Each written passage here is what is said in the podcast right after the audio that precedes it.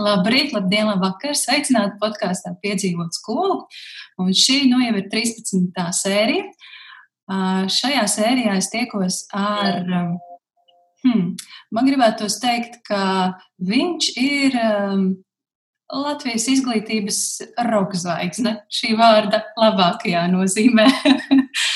Tas tūlīt pateikšu arī oficiālo amatu šim cilvēkam. Tas ir Vēnspils valsts pirmās ģimnāzijas direktors, vietnieks metodiskajā darbā, Oskars Kaulāns. Sveiks, Oskar! Sveiki, čau! Vai, vai es visu pareizi pateicu, vai oficiālais uh, amats ir pareizi nosaukts? Oficiālais amats ir pareizs, bet es, es vienmēr priekšplānā lieku to, ka es esmu vēstures un politikas skolotājs, un pēc tam es esmu direktors vietnieks. Jā, bet mm -hmm. pēc statusa es esmu arī vietnieks. Jā. Nu jā, tas ir tas, ko es atradu par tevi. Jā, to, to oficiālo informāciju, un kā ar to manis minēto rokas zvaigznes statusu, tas, tas ir mans subjektīvais vērtējums, bet es domāju, ka diez vai ir Latvijā, nu, varbūt ir kāds kaut kur, kas, kas tevi nezina, bet pars, pamatā tu esi tāds zināms cilvēks Latvijas izglītībā, cilvēks ar viedokli un cilvēks ar diezgan saturīgu viedokli, es pat teiktu, bet ļoti saturīgu un cilvēks, kurā ieklausās. Paldies tev par tā, tāds diezgan jaudīgs apzīmējums droši vien tam, ko un kā es daru. To vai mani, kāpēc varbūt tās kaut kādās situācijās mani atpazīst vai mani zina, vienkārši tie mani darba pienākumi reizēm uzliek par pienākumu arī ļoti daudz sazināties ar skolotājiem viskaut kur Latvijā. Es esmu mm. diezgan daudz arī vadījis profesionālās pilnveidas mācības un, un par cik es esmu arī iespējamās misijas absolvents. Līdz ar to arī tā ir kopiena, caur kuru mēs visu kaut ko kopā esam darījuši. Un, un, un iespējams, ka tā at, varbūt pat neatpazīstamība, bet zinā. At, Nu, ka cilvēki zina, ko tu dari un, un kā tu dari, tas varētu, varētu nākt no tā. Bet nu, tāda rog, rog, par rokas zvaigzni es sevi vēl nebiju, nebiju dēvējis. Man, man tā ziņā interesanti un prieks, ka, ka kāds kaut ko ir pamanījis no tā, ko es daru. Jā, nu, nu, pat, nu pat mēs esam piedzīvojuši situāciju, kad uh, mācības ir pārgājušas pavisam interesantā formātā. Bērni mācās attālināti, skolotāji uh, māca attālināti, un tu biji, principā, vismaz manā ziņu lentē Facebookā viens no pirmajiem, kas publicēja tādu diezgan konstruktīvu viedokli ar saprātīgiem rīcības soļiem, kā mums šajā situācijā tagad darīt? Pakomentē, lūdzu, kā tu jūties tajā brīdī, kad, kad tika izsludināts, nu, būs jāmācās šādā formātā kādu zināmu laiciņu pagaidām. Kā tu jūties? Zigā, es, es mēģināju visu laiku arī nodalīt nu, savā galvā, kas attiecās uz mani kā uz skolotāju un kas attiecās uz skolēniem. Jo, teiksim, tādā individuālā līmenī pašam par sevi uh, man baigās nu, tāda skepse milzīga nebija, es diezgan daudz ko tiešsaistē esmu darījis. Man ir vis visāda pieredze, liela daļa no maniem mācību materiāliem, ko es ar skolēniem izmantoju, tas arī ir pieejams digitāli. Līdz ar to es zināju, kuru vīdi, kādā veidā mēs izmantosim. Man tas nebija nekāds, nekāds šoks. Es vairāk mēģināju sev iztēloties to kolēģu ādā, kuriem šis varbūt ir tiešām pilnīgs jaunums. Mm. Nu, kā, kā, kā jūtās viņi, ja viņi nekādas digitālās platformas nav izmantojuši, kā jūtās skolēni, kuriem pēkšņi viss tas milzīgais apjoms, ko var izdarīt, teiksim, klātienē, tagad pāriet uh, online vidē un jādara viss ir, ir, ir, ir pašiem. Uh, līdz ar to arī, tad, kad es veidoju tos nu, divi ieraksti, bija, kad es viņus veidoju, es, es, es mēģināju iztēloties no tās otras pozīcijas. Nu, ja cilvēks tiešām ir pilnīgi apjucis un, un nesaprot, ko darīt, un, un, un negrib uzkāpt uz kaut kādiem grābekļiem, uz kuriem es varbūt savulaik esmu uzkāpis, tad vienkārši iedot kādus padomus un, un, un, un idejas, kā iesākt, lai, lai galīgi nav apjukums. Bet man pa lielam, nu, uz, tā, uz, uz to milzīgi straujo pārmaiņu fona, es, es pat no vienas puses priecājos, jo tas ir tāds tiešām milzīgs, jaudīgs grūdienis tam, lai kaut kādas lietas pamainītos. Un, Un mēs ilgi esam kā, visu laiku par to runājuši, ka vajag kaut kādas tehnoloģijas lietot un, un daudz ko var izdarīt attālināti. Uh, un vienmēr nav vajadzīgs skolotājs kā vagars. Un, un tad šis ir tāds ļoti jaudīgs. Protams, no apjoms ir nenormāls, ja, ka viss mhm. pēkšņi ja, no, no klātienes formāta pāriet, pāriet virtuāli, ja, bet, Bet uh, tas, ka to var izdarīt, un to var izdarīt arī pie, pieklājīgā kvalitātē, vismaz pēc pirmās nedēļas, man ir tāda, ir tāda sajūta. Man, nu, man ir, ir satraukumi par citām lietām, kā izdarīt, teiksim, labāko, ko es varu izdarīt, ja, bet, bet par to, vai vispār notiek vai nenotiek, par to man nav nekāda satraukuma. Es zinu, ka, ka notiek un, un jaunieši dara un ir pieraduši, tā kā par to, to galīgi nav satraukums šobrīd. Mm. Jā, tev Facebookā bija, mm, tu pats minēji arī nu, divi, divi ieraksti. Viens uh, no skolotāja pozīcijām, un otrs bija par, uh, par skolēna situāciju.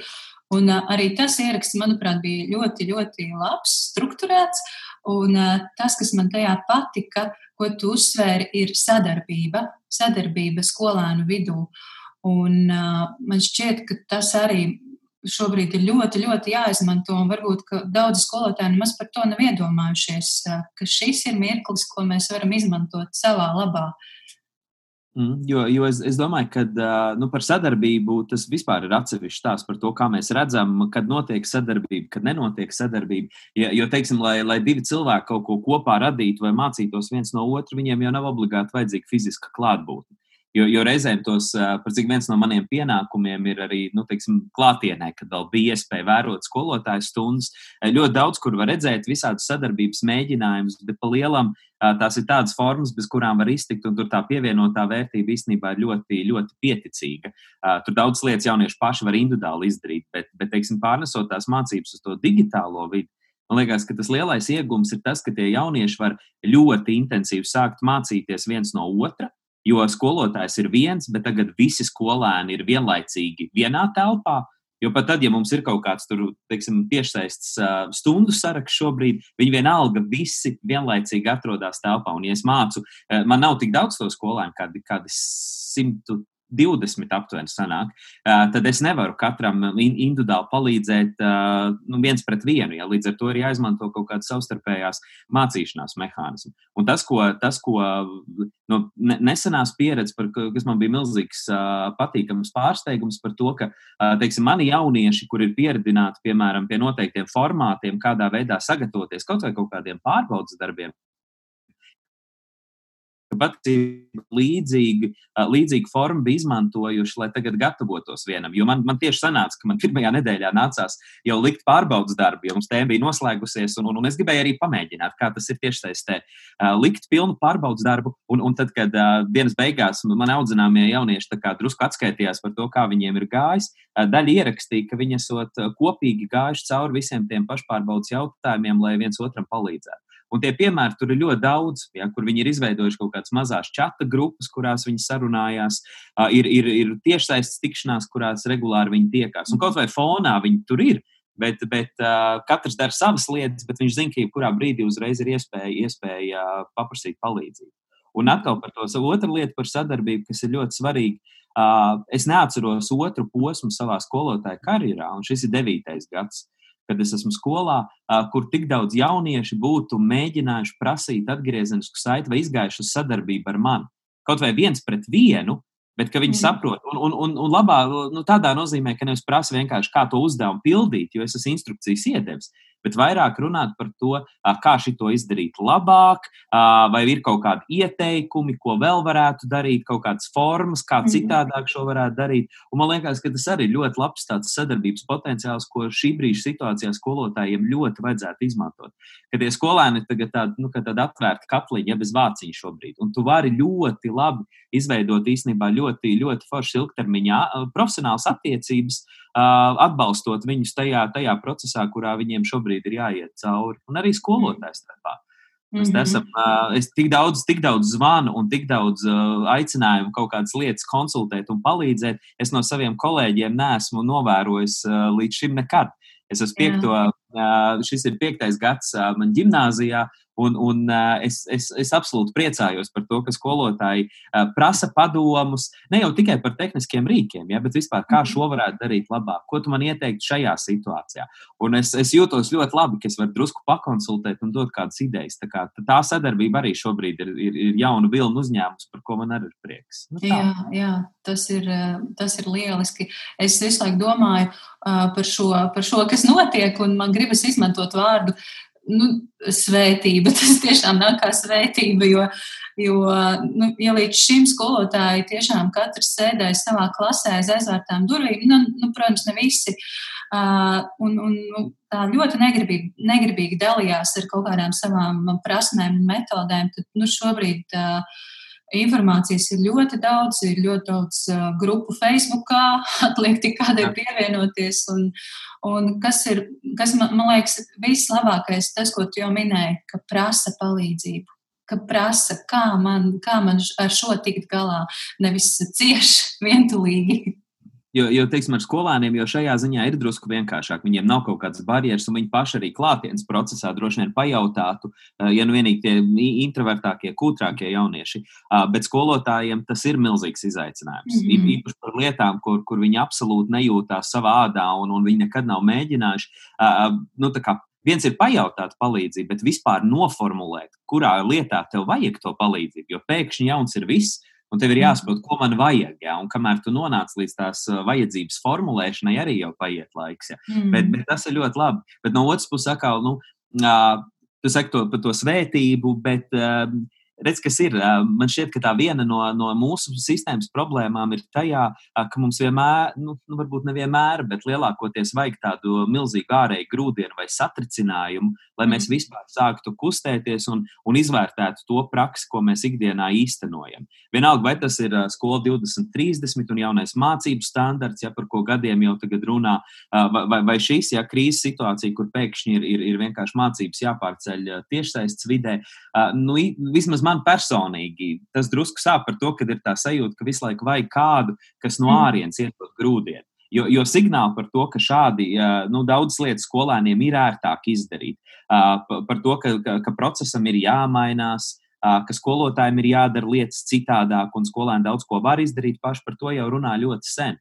Bet, mm. bet uh, kaut kādu iemeslu dēļ mēs visu laiku uzturam to procesu, kādu mēs līdz šim esam īstenojuši. Un, un tikai tad, kad tiešām ir ja, tā cilpa kaklā, ja, nu, tad fiksi, fiksi, ja mēs darām visu iespējamo, lai, lai, lai uh, pielāgotos. Bet, uh, Es teiktu, ka šāds iznākums arī ir ļoti labs. Nu, ja mēs tagad sākam kustēties, tas, tas jau ir milzīgs, milzīgs progress. Jā, bet tev, tev liekas, ka tas ir Latvijas izglītības sistēmas tāds mīnus, vai man šķiet, ka tas ir vienkārši cilvēka raksturā. Tā, ja mani nebaksta, tad es nu, tā baigi nekur nekustos. Nu, ja nav baigā krīze. Jā, tā, tā ja mūsu iedabas vai iedzimtības lieta, nu, tas varētu būt viens no skaidrojumiem. Bet man, manā skolotāja karjerā ir, bijusi iespēja pabūt drusciņā ārpus Uh, ārpus Latvijas, šur tur apskatīties mācību procesu citās valstīs, gan Eiropā, gan, gan pāri okeānam. Uh, un tur, es, protams, nezinu, cik tas ir uzspēlēti, vai uh, tieši tāpēc, ka viesi ir un tad rāda kaut kādu citu procesu. Bet ļoti daudz lietas no tā, uz ko mēs ejam, tur jau var redzēt reālā darbībā. Un tur ir mhm. normāli par to, ka skolotāji pēc kaut kāda procesa vai noteikti laika nāk kopā, runājās, mē, mhm. mēģina, mēģina domāt, kā labāk, ka viņiem ir svarīgi, ko skolēni par šo procesu domā. Viņi uzdod kaut vai vienkārši jautājumu par to, kā jūties tajā procesā, vai iemācījies. Un, un mums šis viss notiek, notiek tā ļoti nu, tā lēcienveidīgi, Un, un, un tad mēs vienalga negribam ļoti pieņemt. Ir visādi pētījumi, ne, kas liecina, ka šādi ir labāk. Ir citu, uh, citu skolu valstu pieredze, ka šādi ir labāk, un rezultāti arī ir labāk. Bet mēs visu laiku mēģinam attaisnoties ar kaut kādu savu iepriekšēju arī pedagoģijas tradīciju. Man mm. viens no lielākajiem tādiem profesionāliem jokiem vienmēr liekas, man ir skolotāji, kuri, tad, kad norāda uz kādu ārzemju pieredzi, viņi vienmēr saka, bet šeit ir Latvija. Nu, mums taču ir tā latviskā mācīšanās. Nu, un es joprojām neesmu sapratis, kas ir, kas ir tas, ar ko mēs fundamentāli atšķiramies no citiem eiropiešiem. Tajā, nu, kādu rezultātu mums izglītībā vajag galā. Nu, pa mhm. lielam nu, vienas un tās pašas lietas. Ja? Un, un, un es ne, neuzskatu, ka tas ceļš, ko mēs līdz šim esam gājuši, ka tas ir labākais iespējamais. Ja? Nu, tagad ar tām pārmaiņām es, es, es ceru, ka kaut kāds jauns ceļš tiek zīmēts un, un daudz no tām šī brīža praksēm, ko mēs iesākam, uh, nu, ka viņas turpināsies. Ka tas nav nekāds tāds īstermiņa variants, ja vīrus, no, nu, jā, jā, tieši tā, vīrus no, norimsies vai ne, un mēs lecam atpakaļ. Jo mhm. es tiešām ļoti ceru, ka tie jaunieši arī nu, redzēs, kas ir, kas ir lietas, kas strādā, un, un, un viņi sāks uzturēt to pieprasījumu. Ka viņi būs tie, kas radīs to, to konstanto spiedienu sistēmā no apakšas un prasīs, ka nē, skolotāji, mēs varam šādi. Un šādi mums ir labāk, mēs šādi vairāk varam izdarīt, ātrāk iemācīties. Un uz to es ļoti ceru. Jā, es nezinu, vai tas tā būs, bet, bet uh, tas ir tāds milzīgs potenciāls šī brīža pārmaiņām, ja tie skolēni sāks iz, nu, izdzirdēt savu balstu tajā visā un, un sāks kaut ko regulēt. Mm. Es uh, gribētu domāt un cerēt, ka šis uh, viss, kas notiek, varētu būt arī ļoti laba motivācija jauniem skolotājiem, uh, jauniem pedagogiem nākt iekšā skolās, uh, ieraudzīt, ka tik daudz iespēju un tik daudz variantu un tik uh, plaša uh, nu, to, to nu, iespēju gūzma. Uh, šis ir nu, precīzs pierādījums, ka viss ir iespējams un daudz kas ir iespējams skolā. Tas nav tikai lekcija un uh, rakstāt diktātus. Uh, jā, Jā, nu, iespēj, ka... iespējams, jā, iespējams, ka šis ir, ir, ir tāds grūdienis. Ja, tur jau, protams, arī vēl citi, citi faktori jāņem vērā, kāpēc tie jaunie skolotāji arī līdz šim varbūt tā kūtrāk ir, ir, ir nākuši uz skolu. Bet šis, nu, teiksim, droši vien, ka vieglāk ir ielikt tādā dīķī, kurā tas ūdens jau kustās, nekā būt tam pirmajam, ne, kurš viņu, kurš viņu sāk kustināt. Ja. Jo tad tur tas individuālais risks. Uh, ka visi vērsīsies pret tevi ir daudz lielāks, ja tu tur kaut ko pēkšņi nezini, kaut kādu kosmosu taisies savās stundās. Tad šajā, kur visi jau tā kā lēnām kustās, ja vienkārši ielikt iekšā un, un izdarīt foršas lietas, ir, man liekas, krietni vienkāršāk. Līdz ar to tas varētu būt stimuls arī viņiem nākt mm -hmm. un kaut kādas lietas darīt. Mm -hmm. Tu pats esi piedzīvojis to sajūtu, ka tu dari kaut ko citādāk un um, pret tevi vēršas. Zinām, es uh, ar, ar to citādāk arī ļoti interesanti. Nu, citādāk ne tādā ziņā, ka uh, es darītu kaut kādas uh, nenormāli kosmiskas lietas. Tur, piemēram, nu, kad es deviņu gadu atpakaļ sāku skolā, tad tās tehnoloģija lietas arī tikai lēnām ienāca. Un, un, ja es būtu darījis kaut ko, nu, tiešām izmantojis kaut kādu nenormālu, fenomenālu rīku, tad droši vien skolotājs man skatītos kā uz pilnīgi kosmonautu.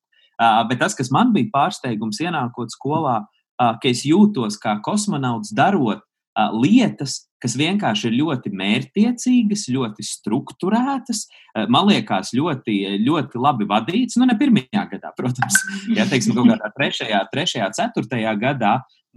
Es, es tiešām vienkārši ļoti, ļoti pedantiski gāju uz kaut kādu savu rezultātu, un ar skolēniem ļoti daudz runājos, un tas bija daudziem pārsteigums noteikumus. Un tad tā attieksme par to, ka uh, mēģina, man, mēģina man norādīt, kā dzīvot, un ka šādi varbūt nav pareizi, uh, un, un, un tā īsti nevar, to gan es jūtu uz savas ādas. Kaut vai nu, es varu iedot vien, ļoti vienkāršu piemēru, kas man tagad nāk prātā. Tas, man liekas, bija kaut kāds uh, skolas trešais gads. Un, un es ar skolēniem ļoti daudz strādāju uh, radošo darbu formātā, kur viņiem nav pārbaudas darbi, bet, bet uh, summatīvu vērtējumu es lieku par, par noteikta cita, cita gala rezultātu īstenošanu. Vienalga, vai tas ir mācību žurnāls, kaut kādi bukleti, video darbi un tādas lietas. Un, un es viņus ļoti radināju pie kritērijiem. Nu, ka, lai izliktu vērtējumu, ir jābūt ļoti skaidrām prasībām, ir nu, pateicis, cik daudz punktu par kuru lietu var dabūt. Un es kā tagad atceros, ka man viens, viens skolēns atnāca un, un, un teica, Ziniet, skolotāji, mums tur ar, ar vienu citu skolotāju sanāca problēmas. Es saku, nu, par ko bija problēmas? Nu, kā, jo, mēs te noklausījāmies par to, ka obligāti ir vajadzīgi kriteriji. Un, un kā, nu, tas, tas puisis, to, to viens, viens no tās klases ceļiem bija šo lietu paņēmis ļoti nopietni. Viņš bija aizgājis pie, pie tā brīža bioloģijas skolotājas un tiešā tekstā pateicis, bet kur ir kriteriji? Es taču tiku saukts uz individuālu, uz individuālu sarunu. Man skolotāja mēģināja norādīt, ar kādām tiesībām es vispār kaut ko tādu atļaujos. Ja. Kaut patiesībā tā ir vienkārši profesionāla lieta. Runa ir par to, vai tu, tad, kad tu liec vērtējumu skolēnam, vai tu saproti un pati vari pamatot, kāpēc viņš ir tieši tāds. Un, un, un teiksim, tādi, nu, tādi šoka momenti, ja, kur citus tevi skatās, uh, drusku uh, šķību acis tikai tāpēc, ka tev ir kaut kāda ļoti metodiska, ļoti strukturēta pieeja tam, kā tu attiecies pret savu darbu un ko tu gribi izdarīt. Ja, to gan mm. es mhm. esmu jūtis. Bet citādāk es, es, es joprojām domāju, nu, ka es neesmu, neesmu nekad bijis, kā, kā viens iespējams misijas kolēģis teica, par, par kosmonautiem. Viņš savukārt šos skolotājus, kuri dara dar kaut, ko, kaut ko pilnīgi fenomenālu, uh, vienkārši ļoti, ļoti metodiski un mērķtiecīgi uz kaut kādām lietām. Mm. Mm. Pastāsti savu izaugsmas stāstu, kā tu, kā tu nokļuvi tur, kur tu esi šobrīd, kā skolotājs. Es zinu, ka tu esi iespējamās misijas cilvēks. Mm. Pastāst, varbūt tev ir kaut, kādi, mm, kaut kādas personības izglītībā, pedagoģijā, kam tu ļoti uzticies, kas ir veidojuši tos uzskatus, vai arī tas ir tavs pašmācības ceļš, Kā, es teiktu, ka tā nonākšana izglītībā un, un pat arī nonākšana tieši tajā vietā un tajā postenī, kurā es šobrīd esmu, ir, ir tāda milzīga nejaušību virkne, kur vienkārši ir laimīgā kārtā saslēgusies. Es esmu ļoti priecīgs, ka tā. Jo, jo tad, kad es pirmkārt nu, būšana skolā un mācīšanās, tā absolūti nekad nav bijusi viena no manām uh, izvēlēm pēc skolas beigšanas. Es esmu pabeidzis, uh, es esmu iegūmis maģistra grādu politikas zinātnē, arī bakalaurs man ir tajā pašā jomā. Un tad es sāku strādāt turpat Latvijas universitātē, dekanātā, lietvedības lietas darīt. Un, un kaut kādā brīdī dzīvē vienkārši iestājās, iestājās posms, kad gribējās uh, pamēģināt uh, darīt kaut ko ne tikai citu, bet kaut ko tādu, kam ir, manuprāt, lielāka pievienot vērtību. Jo tas, ka es tur ļoti labi darīju savu darbu un, un, un kārtoju studentiem dzīvi un palīdzēju viņiem mierīgāk elpot studiju darbā. Tas tā bija, bet eh, vai gribējās kaut ko vairāk ietekmēt un, un izdarīt kaut ko paliekošāku. Un tad kā reizes ieraudzīju, ka iespējamā misija uzņēma tajā brīdī ceturto iesaukumu. Un, un man vairāk draugi laikam bija teikuši, ka nu, šis varētu būt tev pamēģinājums vienkārši, jo tā mācīšanas lieta, viņi kaut kā bija to manī ieraudzījuši un saskatījuši, ka man patīk uh, mācīt un skaidrot un pārliecināt cilvēkus par to, kā jādzīvo. Un, un, un tad es izdomāju, izdomāju pieteikties. Un, un tad es izturēju visas tās atlases kārtas un es sāku strādāt Rīgas Lietuviešu vidusskolā. Es vienlaicīgi mācīju trīs dažādus priekšmetus. Es biju politikas, kultūroloģijas un vēstures skolotājs, un es mācīju visu, visu spektru no 6. līdz 12. klasē. Līdz ar to diezgan, diezgan liela slodze un, un plaša amplitūda. Bet tas iedeva ļoti labu, ļoti labu pamatu, lai saprastu, kā ar dažādiem vecuma posmiem strādāt. Līdz ar to man vairs nevar pārliecināt, ka ši, šis vecums šo nevar, tas ir tikai tam. Es esmu visam tam gājis cauri, līdz ar to man tur, par to man galīgi nav šaubas, ka es zinu, ko kurš var un, un kā to varētu darīt. Un tad, kad es četri, četrus ar pus gadus jau biju nostrādājis Rīgas Lietuviešu vidusskolā, uh, Tad uh, es paralēli biju diezgan daudz jau sācis mācīt skolotājus, vadīju seminārus, visādas izglītības pasākumus, un man ļoti, ļoti patika to darīt. Es to darīju paralēli darbam skolā. Uh, uh, šī brīža skola, kurā es tagad strādāju, Vēncpils valsts pirmā gimnāzija, uh, viņa no vienkārši pilsētas gimnāzijas kļuva par valsts gimnāziju. Un, un tas valsts gimnāzijas status noteica, ka viņiem pienākās arī metodiķis. Cilvēki, kurš uh, gan ar nu, saviem skolotājiem var strādāt, gan kurš var mācīt arī citus skolotājus tuvākā reģionā. Un, un, un tajā laikā iepriekšējā iespējamās misijas mācību programmu vadītāja Inga Pāvula bija nesen pārcēlusies uz Ventspili. Un, un es kā tagad atceros to vietu, laiku, kad viņi vienkārši man piezvanīja un teica, Oskar, es par tevi te ieminējos. Padomā, vai tu negribi? Un tad es veselu dienu sevi lauzīju, jo es esmu rīznieks. Es esmu pilnīgi, mm -hmm. pilnīgi dzīves audzis, visu man dzīve bijusi Rīgā. Uh, Un, un tad pēkšņi ir piedāvājums, vai ne, pārcelties uz, uz nu, pēdi, nu, provinci. Nu, nu, bet tā ir. Nu, tā būsim godīgi. Ja, nu, Tur pat teātra nav. Tur pat jā, jā, jā, jā, jā, jā, līdz ar to tas ir vēl viens stāsts, jo man teātris ir ārkārtīgi svarīga lieta. Jā. Un, un, un, un tad es sev dienu tiešām fiziski lauzu un domāju, un, un, un diskutēju ar sevi, gribu, negribu, vajag, nevajag. Un tad es sapratu, nu, ka šis būtu absolūti loģisks nākamais karjeras pakāpiens. Jo, ja gribās kaut ko vairāk izdarīt un, un, un ietekmēt vairāk cilvēkus, tad īstenībā nu, tikai no skolotāja pozīcijām to ir diezgan grūti izdarīt. Jo, jo es pats uz savas ādas pārliecinājos, īstenībā, kā mainās tavu mācību nodarbību dalībnieku attieksme pret tevi. Ja tu sev prezentē kā vienkārši skolotāju, ka tu esi vēstures skolotājs, un ka tu mhm. tagad vari pielikt klāt, ka tu esi direktors vietnieks. Mm. Formāli sākumā atšķirības nebija nekas. Es vispār nesaprotu, ko es kā vietnieks darīšu, un kas man es pats daudz arī domāju, kas būs tie mani pienākumi. Atšķirības manā sniegumā nebija nekādas. Bet tas, kā cilvēki raugās, ka tev ir arī tas status, ja, ka tu esi tagad vadībā, ja, un tu esi ietekmīgais, ja, viņš tiešām, nu, acīm redzot, tā arī, tā arī strādā. Ja. Un, un, un es absolūti tādā ziņā nenožēloju to, kad, kad es pieņēmu to lēmumu. Uh, gan tajā, nu, sevi personīgi testēt, uh, kā ir dzīvot mazā pilsētā, kur ir lokālā kopiena, kur daļa viens otru pazīst un ir ļoti cieši tās sociālās saites vienam ar otru, uh, gan tīri profesionāli. Nu, kā, ko, ko var mēģināt izdarīt arī skolas vadības līmenī, kā veidot visādas sistēmas, kā skolotājs atbalstīt, stimulēt, strādājot arī ar citiem, citu skolu skolotājiem, viss tas sadarbības tīkls skolu starpā. Man tas ir bijis ārkārtīgi, ārkārtīgi interesanti. Un es līdz ar to es arī īstenībā jauniešiem ļoti Uh, saku, ka, tā, viņi man ir 12 audzināmie šobrīd, un, un kad viņi ļoti domā par to, ko darīt dzīvē un kā izvēlēties, es visu laiku kā vienu no opcijām saku vienkārši atstāt drusku vietas nejaušībai nu, tu vari ļoti mehāniski vai neizkalkulēt, kāds būs tas ceļš, ja, bet tu nekad ne, nezini, kurā brīdī un kā tu nonāksi līdz tam īstajam robam. Ja. Jo es, es esmu fantastiski laimīgs, ka es daru to, ko es daru, un tas bija ienākšana izglītībā. Manā gadījumā tas bija labākais, kas ar man dzīvē ir noticis. Bet, bet es nekad to nebiju tā izplānojis vai iedomājies. Ja. Ne jau šī virkne, kas ir rezultējusies ārkārtīgi forši, vismaz man, man pašam ir baigais gandarījums par to. Mm. Man jāatzīst, ka es esmu bijusi tevis vadītajos kursos. Ja? Es neatceros gadu. Es neatceros, kas tas bija par gadu, bet uh, kursus organizēja e-twinings. Uh, un uh, no, tie notika, man šķiet, ka Buldros. Buldros, jā. jā, viesnīcā. Un tie bija vislabākie skol, kursi skolotājiem, kuros es esmu bijusi visā savā skolotājas īsajā karjerā. Bet uh, tie bija fantastiski kursi. Un, jā, šie, tā lieta, ko tu iemācīji, jūs vadījāt kopā ar Edgars Bajarūnu šos kursus.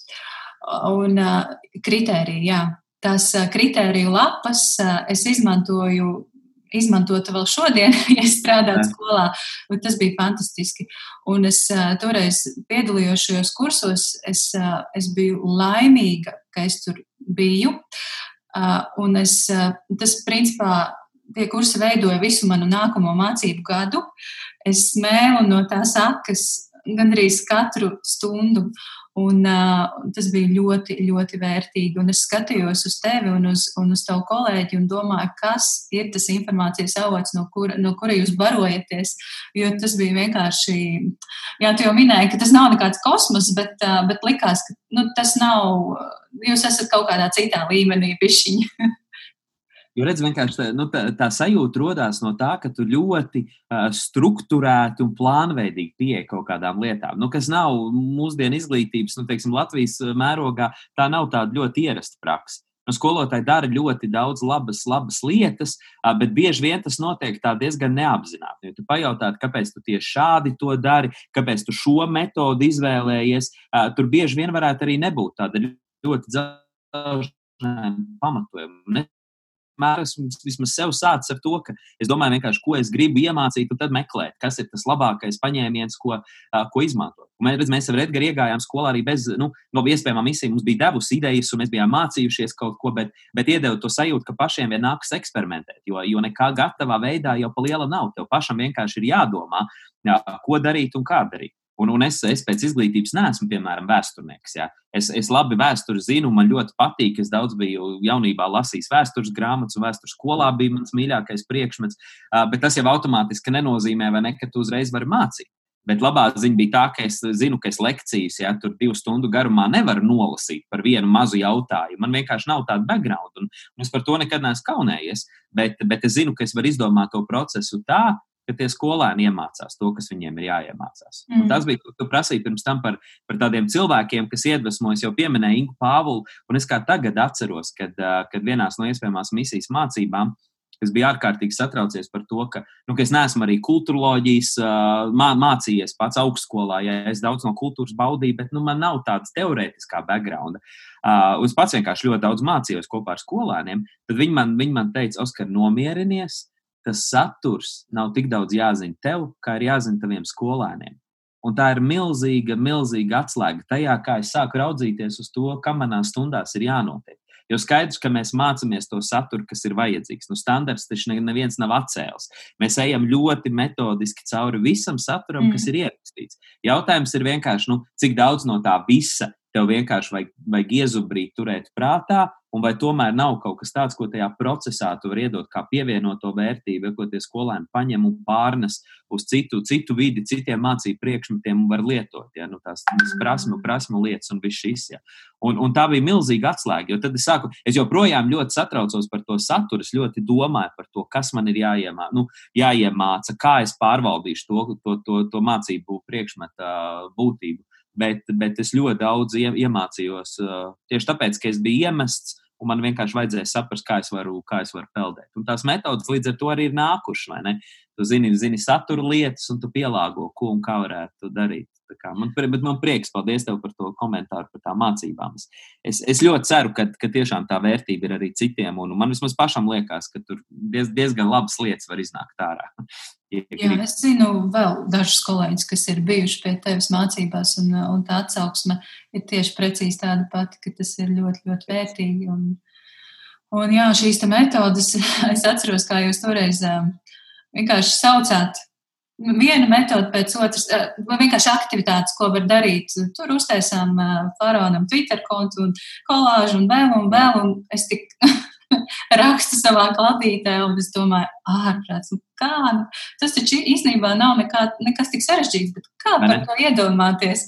Uh, un, jā, un, Tas bija tas ļoti vienkārši. Tas, redzēt, nu, tā, ka tu akceptē to, ka ir normāli kaut ko nezināt, Un ir pilnīgi ok, man kā skolotājam atrasties tajā pozīcijā, ka man šis ir jauns, es nekad to neesmu darījis. Tad ir, protams, daudz vieglāk arī eksperimentēt un mēģināt. Un skaidrs, ka to rezultātu, ko jūs tur redzējāt, ja varbūt ar, ar pieciem citiem skolēniem klasēm šis varbūt sākumā neaizgāja tā, kā bija iecerēts, vai ne? Līdz ar to, tu, bet tu vienkārši neno, nu, nenobaidies mēģināt vēlreiz un vēlreiz, un mēģināt pāanalizēt, kāpēc viena lieta strādā vai otra lieta uh, nestrādā. Ja? Mm. Un man liekas, ka šis ir nu, arī nu, savā ziņā tā, tā būtu atslēga tam, lai mūsu izglītībā kaut kādas lietas mainītos. Nu, nu, es gaidu to brīdi, kad skolotājs atklāti varēs pateikt, ka viņam kāda lieta nesanāk.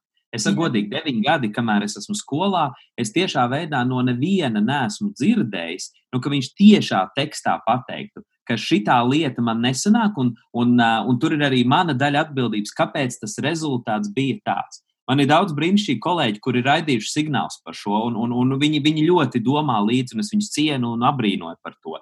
Bet, bet man tiešām gribētos, nu, ka cilvēki, mēs kā skolotāji, ļoti daudz vairāk ieraudzītu sevi tajā lielajā bildē. Nu, tas, kāpēc viena lieta sanāk vai nesanāk, tur ir daļa mūsu, mūsu atbildības. Mm -hmm. nu, nav tas, ka skolēni vienmēr ir slinki, pasīvi, negribīgi, nu, bet, nu, ja viņi vienmēr nāk nemotivēti uz tavām stundām, nu, bet tā taču nav tikai viņu lieta. Nu, tu taču vadi procesu to organizē. Mm. Līdz ar to tev ir bijis šī jā, nu, jāpadomā, vai tu esi maksimālo izdarījis. Ja? Un paprasīt to palīdzību, par ko mēs sākumā runājām. Ja? Tā ir nu, baigā, baigā lieta un diezgan, diezgan grūti ar to iet dažādiem iemesliem. Jā, nu. Es, es pats šobrīd esmu prom no skolas, un tas viss, kā es aizgāju prom, bija diezgan kopumā bēdīgi. Un, nu, nu šobrīd es varu atzīties, jā, ka, kur man gāja grūti un kas bija mana, manas vājās puses. Un es ļoti, ļoti, ļoti nožēloju, ka es nepalūdzu palīdzību laikus. Ļoti, jo es būtu noteikti aiztaupījusi sev pašai ļoti daudz sāpju un ciešanu un bēdu. Un, jā, tas ir kaut kāds tāds lepnums vai, bailes. Jo, jo redz, to es varu teikt arī no savas pieredzes. Es pēc dabas vienmēr līdz šim, pirms es sāku strādāt skolā, bija tāds, kuram likās, ka pašam viss ir jāizkapā, viss ir jāizdara nu, līdz galam tikai tev. Mm. Uh, un, un ne tikai tāpēc, ka tu šķietam nevar paļauties uz citiem, tu vari. Bet, bet tev ir sajūta, nu, ka, ja reiz tu šo dari, tev pašam ir jābūt tam, kurš visu izdara līdz galam. Ja? Mm -hmm. Un to man arī iespējamā misija un tā kopiena iemācīja, ja? ka tas ir pilnīgi normāli saprast, kas tev nesanāk, kur tev vajadzīga palīdzība un atrast tos cilvēkus, uh, vai vienalga kaut kādu citu, citā vietā padomu, kas var tev palīdzēt. Ja? Jo visas kaujas nav izcīnāmas un visas kaujas nav mūsējās. Tā ir vēl viena, vēl viena lieta, ne? ka tu mm. saproti, nu, kuras, kuras cīņas tu vari pats, kuras cīņas jūs varat kopā. Un kuras cīņas varbūt nav, nav mūsējās. Ja. Man vienmēr mīzē arī ļoti patīk, kad mēs tā runājām, nu, vai šis, kas notiek, tas ir par mani, vai tas nav par mani. Un nu, ļoti daudz, ja, ja teiksim, skolotāji šādi arī uz lietām sāk raudzīties, arī daudz kas pamainītos. Jo mēs bieži vien cepamies, ņemamies, pārdzīvojam par lietām, kas patiesībā nav par mums. Mēs tur tāpat neko īsti nevaram izdarīt, bet mēs tērējam to savu enerģiju, nevis risinot tās problēmas vai meklējot cēloņus, bet vienkārši mēs runājam un verbalizējam kaut kādu savu viedokli par tām sekām, ko mēs redzam. Bet varbūt tas nav par mums. Un ir reizes, ka, ziniet, tie skolēni kaut ko neizdara tā, kā gribētos, tas nav vienmēr par mani. Nu, ir arī viņu atbildība. Ja? Un, jo vairāk par šo sāk runāt, jo vairāk skolēni uzņemās, uzņemās atbildību. Un es tiešām neesmu saskāries, ka, ka viņi kaut ko nevarētu, fundamentāli negribētu. Ja? Man, man vienmēr bijis milzīgs. Milzīgs uh, gandarījums par to, ko, ko, viņi ir, uh, ko viņi ir izdarījuši. Es, es ļoti, ļoti priecājos par to. Mm. Tu minēji, ka tu esi ļoti daudz ceļojis un redzējis mācīšanos, mācīšanās procesu arī citās zemēs. Vai tev ir kāds tāds labs piemērs, par ko tu domā un ko tu gribētu ieviest arī Latvijā šobrīd? Ja tu man prasa teiksim, par konkrētu piemēru, tad tīrā veidā, nu, teiksim, viens pret viens, ka es būtu redzējis kaut kādu visu sistēmu, kā funkcionē, un, Un es tieši to pašu gribētu arī Latvijā. Man nav tik liela tā pieredze, lai es to varētu atbildēt. Bet daudzas foršas un ļoti jēdzīgas lietas, ko es esmu redzējis, nu, man bija iespēja paviesoties vairākās skolās Ņujorkā. Es biju caur iespējamo misiju vienā apmaiņas programmā, un, un mums bija skolu vizītes. Un, un tas, ko tur es ļoti daudz redzēju, cik ļoti daudz skolēni mācību saturu apgūst caur, caur diskusijām, sarunām, mēģinot iedzināties kaut kādā materiālā un pēc tam uh, reflektējot, diskutējot, sarunājoties par to, ko viņi tur ir izlasījuši. Un, un, un vienu šādu metodi es, es Tas bija pirms diviem gadiem, kad es biju tajā apmaiņas programmā. Bet uh, vienu tādu metodi es atvedu mājās, un es ļoti viņu auklēju. Es domāju, nu, kā man gribās pam, nu, pamēģināt. Ja? Tāds Sokrāta seminārs, un, un, un, kur lasa, lasa tekstus, domā, mm -hmm. diskusijas jautājumus, un tad jau vieni, vieni sarunājās, otri vēro, dod atgriezenisko saiti. Un, un šādā veidā iet cauri īstenībā ļoti tādiem fundamentāliem nu, mhm. tekstiem. Ja? Kas, ko varbūt augstskolā kādreiz mācās, bet viņi ir, ir spiest turpties tam cauri un, un sarunāties. Un, un tās lietas man ļoti, ļoti uh, pietrūkst izglītībā Latvijā. Man ļoti gribētos, ka mēs daudz vairāk domātu par to, kā, kā to jauniešu iedziļināšanos un mācīšanos pavērst īstenībā arī par tādu dialogu un sarunu par kaut kādu saturu. Jo, jo skaidrs, jā, nu ir, man saka, tur eksaktajās zinībās un matemātikā ir taču lietas, kas ir jāiezubra. Uh, nu, ir lietas, kas ir jāatcerās, bet veids, kā tu nonāc līdz tam, ka tu atceries, ir arī ir ļoti dažādi. Tu vari izstāstīt un, un pateikt šo iezubru un atreferē, un, un ir citi ceļi, ja, kur, kur tā izpratne veidojās daudz, daudz dziļāk un, un jēdzīgāka. Un, un tas man ļoti, nu, es visās skolās, kurās es biju, to es ļoti redzēju.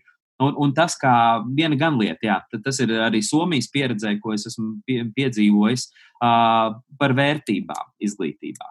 Un, un, un nevis tādā variantā, kā mums ir pierasts runāt, vai ne, kad es jums tie, tie iemācīšu būt patriotiskiem, jā, un, un tad reizi. Jā, jā, jā, un no šīs pašas sērijas, un, un reizi gadā Ja, kad nāk valsts svētku nedēļa, tad mēs piesprāžam lentīti, un, un es jums stāstu, cik, cik vīri drosmīgi cīnījās un, un darīja, uh, lai valsts būtu. Un, un, un, un tāpēc es domāju, jūs esat patrioti. Bet, uh, bet, bet tādā fundamentālā līmenī, ka visas tās darbības, ko skolā mēs veicam, Vienalga, vai tie ir pasākumi, ko mēs organizējam, vai veids, kā mēs skolā kaut kādas lietas tīri vizuāli izkārtojam liecina par to, ka šeit ir ēka un organizācija ar vērtībām, un ka skolotāji viņas ievēro un, un, un nedara nedar, kaut ko pretēju. Un skolēni zina, ja viņiem pajautā, kas ir, nu, par ko ir šī skola, uz ko mēs ejam, viņi visi var to atbildēt. Un tas ir tas, kas man personīgi ļoti, ļoti vispār izglītībā pietrūkst. Mums gan arī, nu, teiksim, vērtības ir definētas, bet uh, jautājums ir par to, kā tu viņus var iedzīvināt. Jā. Kā mm. to visu skolas organizāciju pavērst uz to, ka, ka, nu, ka mēs visi strādājam uz to, lai tie skolēni būtu tādi, kā mēs esam postulējuši tajās, tajās vērtībās. Un tas man ļoti pietrūkst. Es ļoti gribētu, ka mēs par to daudz vairāk izglītībā, izglītībā sarunātos.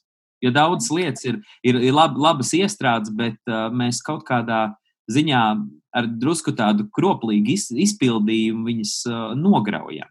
Mēs īsti nesaprotam, ko tas nozīmē. Ja? Jo, jo var jau, ja tev vērtības skolā ir, ir postulētas, var jau teikt, ka viss, ko mēs darām, tas ir saistīts ar vērtībām. Bet jābūt jau būt otrādāk.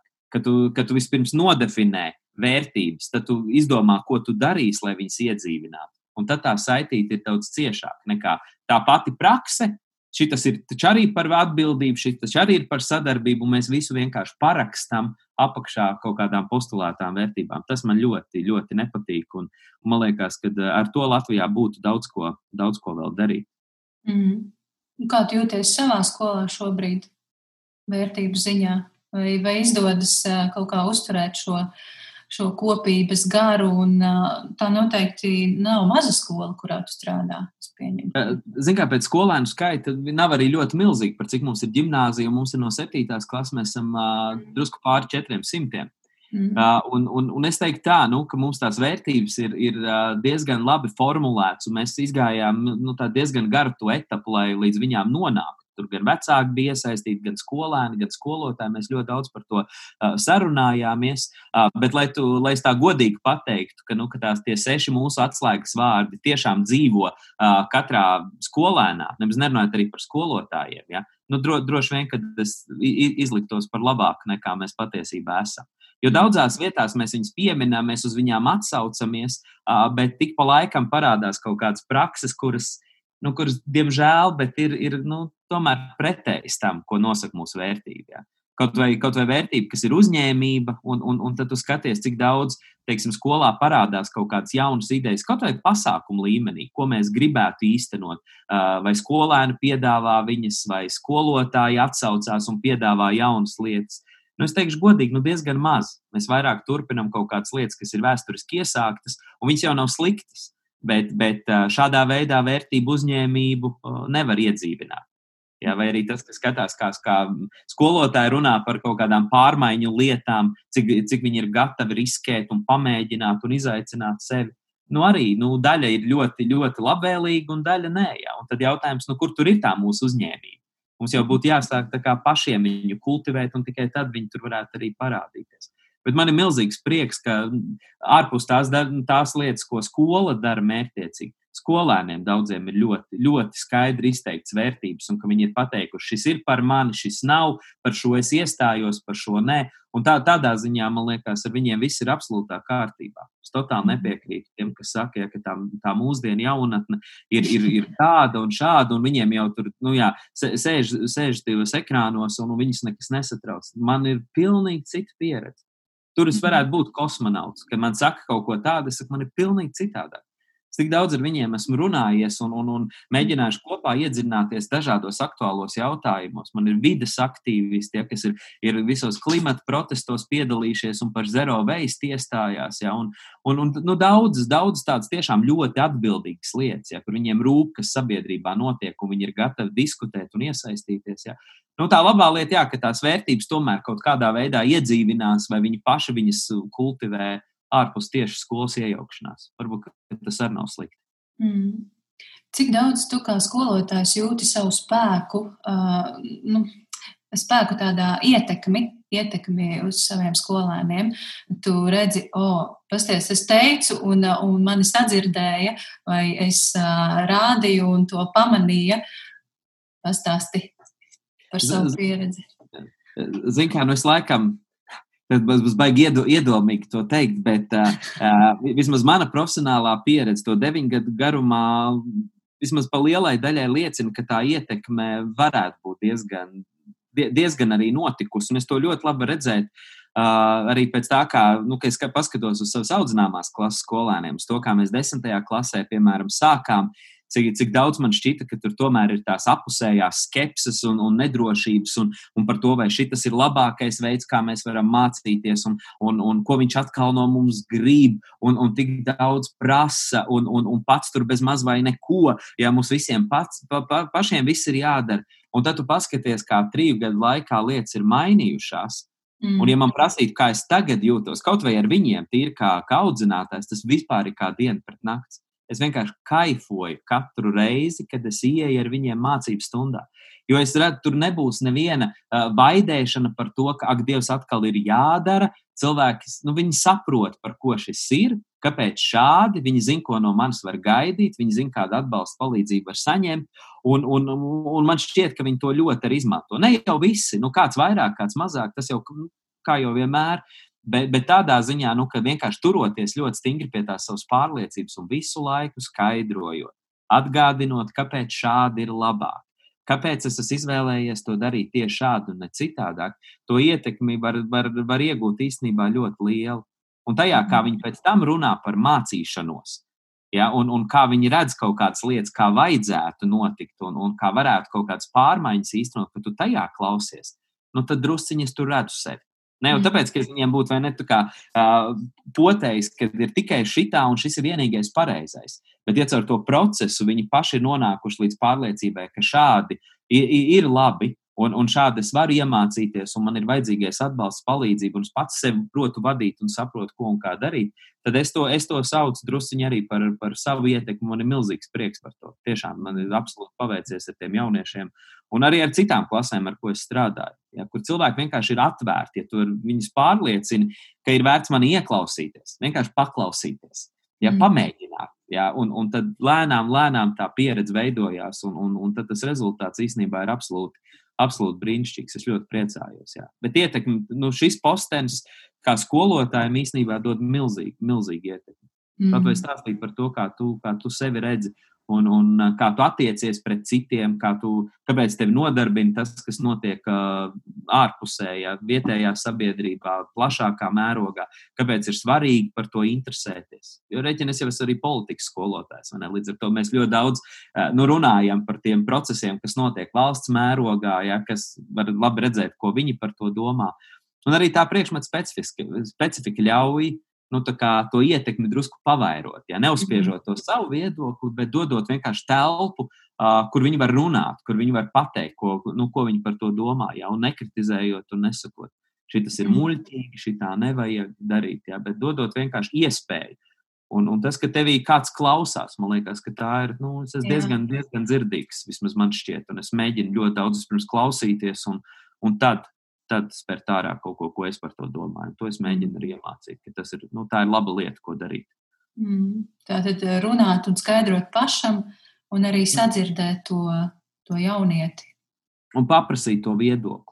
Nu, kā paprasīt, kā tu jūties tajā procesā, ko tu redzi vai neredzi. Nu, jo, jo ļoti, jo, redz, kā ir, nu, te, nu, tev zini, tādā le, lekciju formātā jau ļoti maz ko var redzēt par to, kas tajā, nu, ko, ko, ko tie jaunieši tajā procesā paņem, nepaņem, kā viņiem ietur. Ja? Tu vienkārši stāvi un tu runā. Bet tajā brīdī, kad tu to procesu organizē pretēji, kad viņiem ir iespēja runāt un, un iesaistīties, tu, tu vari tik ļoti labus novērojumus īstenot. Tu ļoti labi redzi, kuram kas sanāk, kuram nesanāk, kur, kur, kur klase uzkarās, kur ir vajadzīga palīdzība, ko nākamajā reizē darīt citādāk. Ja? Man liekas, ka tā ir, nu, tas ir tāds baigi foršā lieta, un ja mēs vairāk dotu dot iespēju viņiem runāt un pateikt arī, ja reizēm, nu, būsim godīgi, reizēm tas viedoklis ir bijis ļoti sāpīgs pēc desmitā klasē pajautāja, ja, piemēram, par to, ko es zinu, ka es ar sirdi un dvēseli tur tajā procesā liekos ārā un cenšos un, un gatavojos tām stundām, ja, un, un, un nav tā, ka visiem acis mirdzēja. Ja, ka visi teica, ka Dievs ir la, labākais, kas ar mani ir noticis skolā. Nu, nē. Nu, varbūt daļa tagad, ja kāds, kāds procents no maniem audzināmiem, varbūt arī tā varētu pateikt. Es nezinu, es neesmu tā, neesmu tā prasījis, un tā es neprasīšu, bet, bet es, es domāju, ka tas ir, ir diezgan labs, kas ar viņiem ir noticis tajā mūsu sadarbībā. Mm. Nu, skaisti. Atgriežoties pie šodienas un, un šī brīža situācijas, šīs attālinātās mācīšanās, kas ir tavs izaicinājums šobrīd? Kas tevi satrauc kā skolotāju?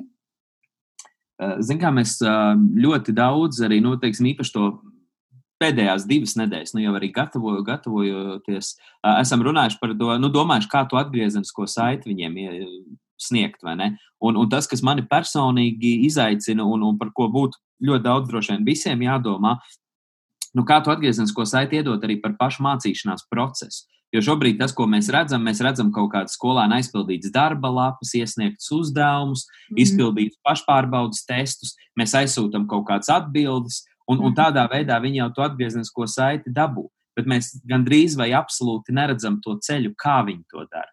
Un par to es ļoti satraucos, jo, jo man liekas, manu stundu tā stiprā lieta ir tieši tas process.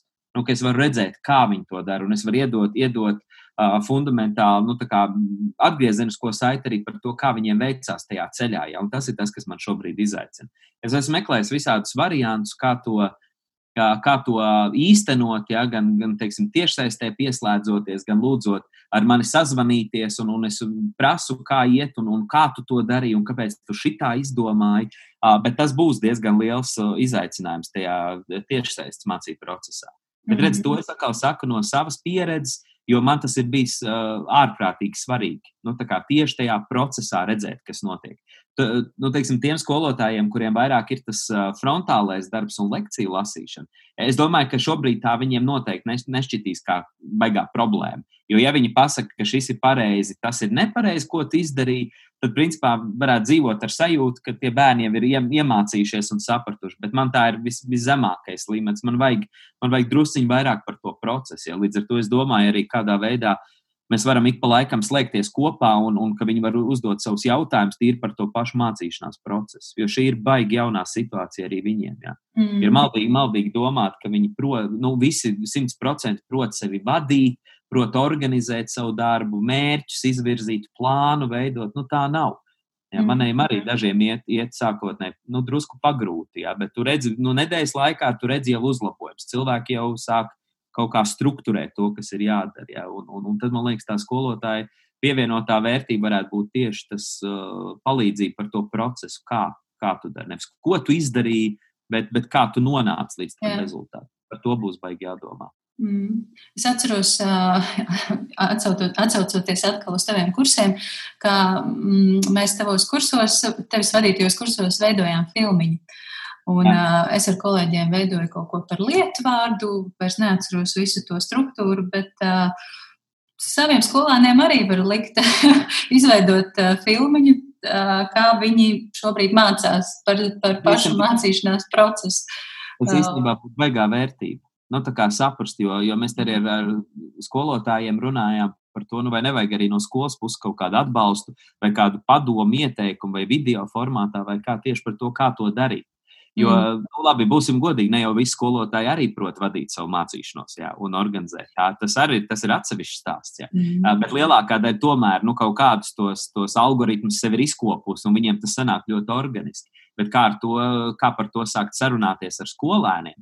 tas varētu būt milzīgs jaunums. Bet no otras puses, mhm. atkal, teiksim, domājot par, par jauno mācību standartu vai ne un tām caurību prasmēm, nu, teiksim, tas, kas ir tā metakognīcija vai domāt par domāšanu, par to, kā tu mācies, nu, tas ir tieši par šo nu, tagad ir visīstākais laiks un vieta, kur to sākt darīt. Ja, jo apstākļi ir tik pateicīgi, ja, mm. nu, kā palīdzēt un atbalstīt, lai skolēni vairāk, un mēs paši kā profesionāļi sāktu, sāktu domāt par to, kāpēc mēs darām tieši šādi, un kas notiek mūsu galvās, kad mēs vienu uzdevumu pildām tieši šā, šādi. Un kā mēs līdz tam rezultātam nonācām. Līdz ar to apstākļi ir absolūti fenomenāli. Es nezinu, vai vēl kādā, varbūt tu, tu, tu, ja, lai mums nekad vairs nebūtu tieši tāda situācija kas notiek ārā, bet, bet šis ir tiešām absolūti izcils laiks, kad šo sāk daudz vairāk darīt. Ja, tur Jā. skolēniem būtu, būtu vajadzīga droši vien palīdzība, un arī mums kā mhm. skolotājiem. Jā, atgriezeniskā saite un šī te, šis te mācīšanās process, tā, tā ir viena lieta, bet man liekas, ka diezgan sarežģīti šobrīd ir laiks, laika plānošana. Pats arī minēja aizkadrā, ka tā darba diena var ievilkties ļoti, ļoti gara. Vai, vai tu redzi vispār kaut kādu mm, iespēju mainīt kaut ko šobrīd? Vai, vai vienkārši jāpagaida, kad eh, notiks iestrādāšanās, būs notikusi?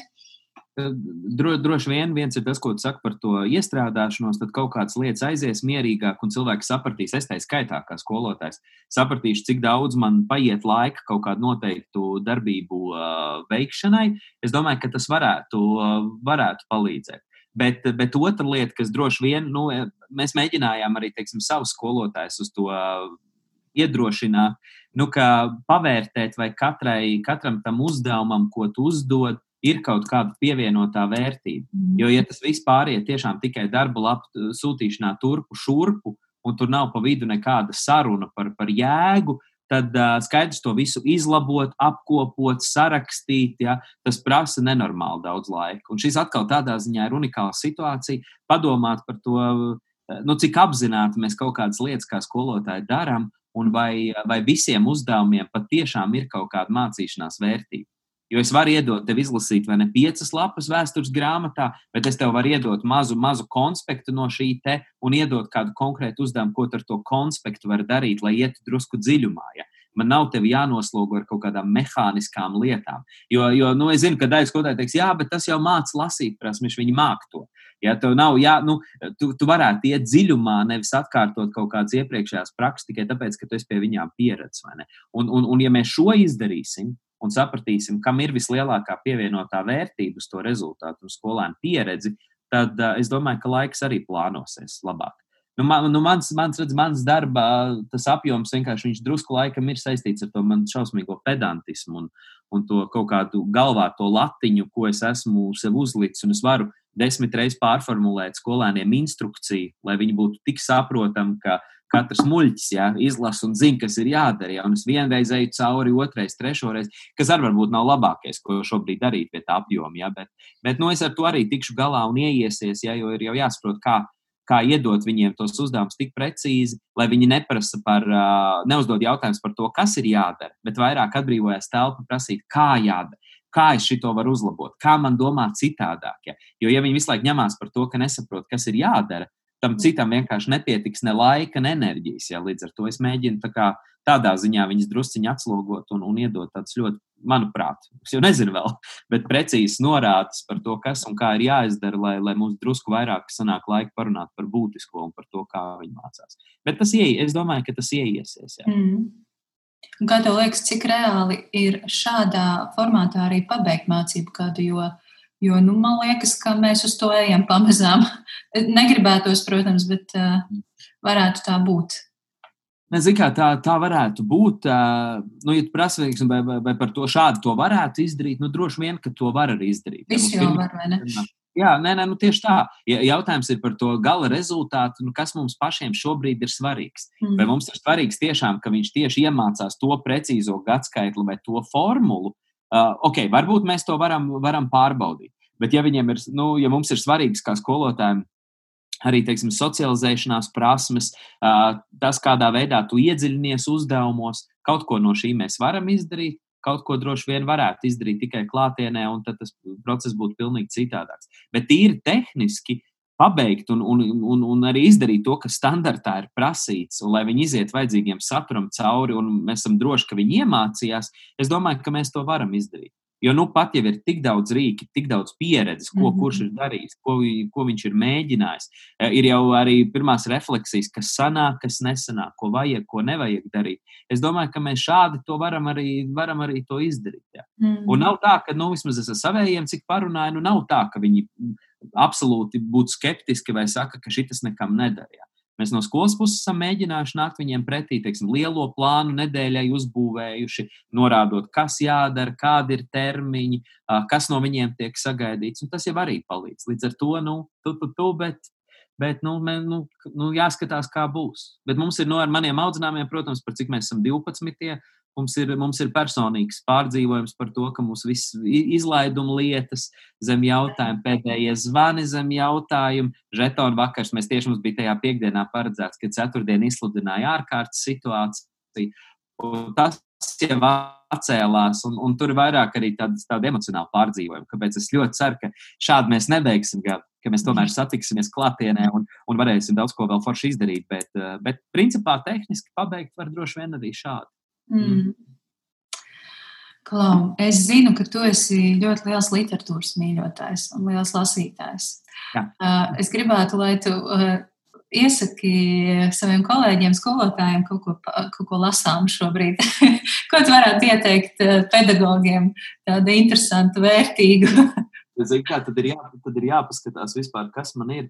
Manā, oh, tu, tu man milzīgi jautājumu uzdevi, jo es esmu tik daudz Es varbūt esmu drusku, drusku uh, panisks lasītājs tādā ziņā, ka es lasu, lasu aizgūtnēm un ļoti daudz. Tagad vēl piecēlos kājās tieši, lai apskatītos pie, pie grāmatu, grāmatu plaukta. Jo, jo es lasu, zinām, mana, mana, mana lasīšanas gauma, viņa, viņa rob, viņai nav praktiski nekāda robeža. Gan arī es lasu gan daļu literatūru, gan arī drusku profesionālo literatūru. Šis būs ieteikums, ko reti kurš droši vien īstenos, bet, bet man personīgi ir svarīgi par viņu parunāt. Es tev varu te attālināt, parādīt, parādīt vienu grāmatu, ko es, ko es lasu. Uh, šis ir, ir, ir autors, ir Al, Al, Alfija Kona. Uh, es izlasīju sākotnēji ar viņu uh, vienu, vienu slēju. Uh, man liekas, ka tas bija uh, žurnāls The Atlantic. Es lasu arī ārzemju presi drusciņu, un, un tas, ko, par ko viņš runāja skolu kontekstā, par to, uh, ko ar cilvēkiem izdara uh, dažādas apbalvošanas sistēmas. Respektīvi, atzīmes, Tā skaitā atalgojums, visi ārējie stimuli vai sodīšanas rīki, kā tas patiesībā nokauja cilvēku iekšējo motivāciju. Un es, es viņu tā pa laikam, katru dienu, nu, pa vienai nodaļai lasu uz priekšu, kas ir ļoti interesants veids, kā domāt par, par vērtēšanu, par atzīmēm, atzīmu likšanu skolā. Jo, mm. jo es nekad nebiju domājis, un tagad es ļoti daudz par to domāju, par to, ka, ka vērtēšana kā tāda mūsu sistēmā ļoti tiek izmantot kā sodīšanas vai kā manipulācijas instruments. Respektīvi, ja skolā nestrādā, es jums likšu uz atzīmi, un tāpēc mēs panākam to darbību, ka viņi Jā. to izdara, bet mēs vispār nerisinām to cēloni, kāpēc jau pirmajā, nu, pašā sākumā viņi nedarīja to, ko mēs gribam. Un, un tādā ziņā tas vienkārši maina manu perspektīvu par to, kā bija. Un es ļoti daudz analizēju arī gan savu praksi, gan to, ko es esmu redzējis. Skolotāju uh, auditorijā runājam par atzīmēm, vai ne? Jā, viņi jau bez atzīmes neko nedara, bet mēs paši to praksi vienkārši esam, uh, esam uh, piekopuši un, un, un sākuši īstenot. Bet es domāju, ka gan jau tu gribēji arī kādu, kādu daļu literatūru, bet es saku, man bišķīt ir jāpadomā. Es tādu sitienu tev Tev, jo man plaukti ir, ir, ir, ir milzīgi, milzīgi pilni, un es, es ar diezgan lielām problēmām vienmēr atceros, kas ir pēdējais, ko es lasīju, jo es tiešām to daru. Daru ārkārtīgi, ārkārtīgi daudz. Ah, es zinu, ko es varu ieteikt. Es zinu. Es esmu ļoti skeptisks principā pret latviešu, la, la, latviešu literatūru. Es tev te parādīšu. Kā jūti, ka tu tieši šo ieteiksi? Nezinu, kāpēc. ja? Jā, jo, jo es esmu diezgan, diezgan skeptisks pret latviešiem literatūrā. Nezinu, kāpēc. Varbūt absolūti maldīgi. Un ir daži autori, kurus es ļoti cienu un mīlu un lasu visu, ko viņi izdod un pērku uzreiz. Bet Jānis Egle un, un konkrēti šajā gadījumā stāstu krājums dzimšanas diena ir, ir viens no pēdējā laikā, laika tādiem jaudīgākajiem atklājumiem, un man ārkārtīgi patīk, kā viņi raksta. Mm -hmm. Tie stāsti ir tik fenomenāli koncentrēti un tik ļoti dzīvi un personiski un, un rada tādu nenormālu klātbūtnes sajūtu. Man ir visas trīs viņas stāstu grāmatas, un, un ja, ja skolotājiem gribās, protams, kaut ko smagu, bet, bet eh, pārdomas raisošu, tad, eh, tad Jā, Negla varētu būt eh, laba literārā izvēle. Jā, tas ir pēdējais, viens no pēdējiem krājumiem, ko es lasīju. Mums ir ar, ar Rīgas draugiem tāds lasītāju klubiņš. Un tad mēs regulāri tiekamies, tiekamies un sarunājamies par literatūru. Un šo mēs izvēlējāmies kā vienu no pēdējām, par kurām mēs runājām. Tad jau arī krīze jau bija, jau mēs tiešsaistē satikāmies un, un tad analizējām un runājām par to, ko nu kurš tur. Viens otram lasījām fragmentus priekšā. Un tā, tā kā šis ir labs, jā, no latviešu literatūras, to es, to es iesaku. Jā. Bet profesionāli tā, tā, tā, par atzīmēm ir ļoti, ļoti interesanti. Es droši vien kaut kādā brīdī arī Facebookā uztaisīšu kaut kādu kopsavilkumu, jo tas man pilnīgi maina vienkārši to paradigmu. Mm. Jo tur uz pētījumiem balstīts, tas nav viņa vienkārši personīgs viedoklis, bet, bet datos balstīts. Ļoti, ļoti interesanti, kas notiek ar tiem. Jo daudz, da, daudz problēmas tieši no šī ir arī cēlušās. Par to, ka mēs sākam to atzīmi izmantot kā manipulācijas instrumentu un, un, un, un paši to neapzināmies. Ja? Un, un, ja mēs šo kaut kādā veidā varētu sagrozīt pareizā gultnē, ja, un, un beigt ņemties par, tām, par tiem cipariem, bet vairāk par formatīvām lietām, nu, kā procesā atbalstīt skolēnus, tad mums ļoti daudz kas izglītībā mainītos. Es absolūti esmu par to pārliecināts. Mm -hmm. Jā, lieliski. Paldies. Es noteikti ielikšu abus, abus šo grāmatu ieteikumus sērijas aprakstā. Tā kā visi, kas klausīsies, var arī apskatīties, kas tās ir par grāmatām un iegādāties noteikti un paši arī lasīt. Sarunas noslēgumā gribēju jautāt, cik tu esi atvērts sarunai. Paldies par šo sarunu, kurā tu biji ļoti atvērts un uzreiz piekriti šim te ierakstam. Bet vai tevi var sazināties un lūgt kādu padomu? Protams, tagad ir diezgan saspringts laiks, bet tomēr varbūt kāds uh, gribētu tev uzrakstīt, vai, vai piezvanīt, droši vien nē, bet jā, mm. uzrakstīt tev un pajautāt, klau, ko, ko darīt šajā situācijā, vai tu vari kaut ko ieteikt. Ziniet, nu, nu, principā teorētiski jā, vienīgi es saku, dēļ, dēļ visiem darba apjomiem. Es jau, protams, arī zinu sevi, ja man atnāk kaut kas, tad man loģiski vienmēr vajag atbildēt un tāds. Un es domāju, ka, šie, ja masveidā vai ne šis notiek, tad man varētu būt manai sirdsapziņai ļoti grūti to slogu izturēt. Jo, jo pašlaik es vienkārši man tiešām ir ļoti grūti saprast, nu, kas notiek ar manu laiku plānošanu, cik daudz uz kādām lietām man paiet. Bet ja kaut kādas, nu, ieteikumus kaut ko pamēģināt vai kaut kādā veidā. Es domāju, ka jā, ja tu gribi tur kaut kur norādīt kaut kādos kontos, kā, tu vari nu, droši vien to arī darīt. Nu, mm -hmm. Un, ja man tajā brīdī nebūs laika, tad Zolīte var pateikt, ka šobrīd es to nevaru izdarīt. Varbūt mm -hmm. mēs varam sazināties kaut kādā formā, nu, cit, citā reizē. Jā, nu, mm -hmm. es jau ļoti, ļoti cienu dalīšanās ekonomiku, un man ļoti patīk, jā, bet, bet nu, atbilstoši iespējām un laika resursiem, cik tas ļauj. Jā. Jā. Tā kā to jā, droši. Tas man nav nekāda iebildumu. Paldies. Un, un pavisam pēdējais jautājums. Vai skolotāji var cerēt uz vēl kā, kādiem tevis vadītiem kursiem nākotnē, tuvākā, tālākā? Es domāju, es, es domāju, ka noteikti man ļoti, man ļoti patīk arī to darīt. Un, principā, šādas tādas lietas mums jau bija vasarā iestrādāts, ka mums vajadzētu tikties. Es gan nezinu, tagad, protams, ar visu šo, cik, cik tas ievilksies un cik būs ļauts pulcēties, bet, bet ir jau visādas lietas arī, ko var mēģināt uh, tiešsaistē darīt. Un, Un šobrīd es ar, ar to pašu Etvinīgu runāju, ka varbūt tās aprīļa sākumā es varu mēģināt piedalīties, taisīt vienu webināru, kurā nu, šādā sarunas veidā vienkārši izstāstīt pāris lietas par, par vērtēšanu, īstenībā tieši par vērtēšanu un tiešsaistē. Kas ir, kas ir tas, kam varbūt pievērst uzmanību un kādā veidā to darīt no, no, no savas pieredzes. Tā kā jā, jo mācības es joprojām, joprojām vadu diezgan daudz, uh, kad, kad ir iespējas un, un, un mm. brīvo laiku arī tam tērēt. Tā kā jā, es, es ļoti ceru, man tas iedod, iedod atkal tādu papildus uh, grūdienu tam, ko es stundās daru. Man ļoti, ļoti patīk ar skolotājiem sarunāties un provocēt viņu bez galva. Labā nozīmē. kā, jā. jā. Paldies, Oskar, tev par šo sarunu. Es domāju, ka nu, vismaz man bija ļoti interesanti un, uh, un arī ļoti vērtīgi. Man, prieks, man, ļoti, ļoti, man ļoti liels prieks, ka tu man uzrunāji. Es esmu arī es esmu šādus tādus to, tos podkāstus iepriekš no tevējiem arī jau klausījies, un tad es tikko pirms, pirms šīs sarunas sāku klausīties ar uh, Elizabetu Pavlovsku. Jā. Es viņu personīgi arī mazliet pazīstu, un, un, un tā ir ja, ļoti, ļoti interesanti. Man šis liekas ļoti foršs nu, variants. Es esmu arī ļoti pateicīgs. Paldies. Nu, ir tā, ka es tevi vēlējos uzrunāt jau kopš paša, paša sākuma. Un, un tad, kad mēs ar Agnēs tikāmies, Agnēs Lišāni tikāmies Jā. pirmajā sērijā, es viņai atzinos, es ļoti vēlos runāt ar Oskaru Kaulēnu, bet man šķiet, ka es vēl neesmu gatava. bet, bet kaut kā likās, ka tieši šis brīdis ir tas, kad, kurā es gribu tevi uzrunāt un kurā ļoti arī, man liekas, citiem cilvēkiem interesētu tavs viedoklis un, un tas, ko tu saki. Un, jā, tā kā vēlreiz liels, liels tev paldies, un es ceru, ka tu šodien arī atpūtīsies sestdienā. Jā, es esmu visus darbus pirms sarunas izdarījis. Es esmu visu nākamajai nedēļai salicis, sagatavojis, un tagad sākās atpūta. Palasi, atpūties. Jā, jā. Bija ļoti labi. Paldies tev liels par iespēju. Jā, paldies tev. Nu, lai tev izdo, izdodas arī turpmāk, un, ja nu kas, tad sazinamies, vai ne? Jā, paldies! Paldies tev! Atā! Atā. Čau.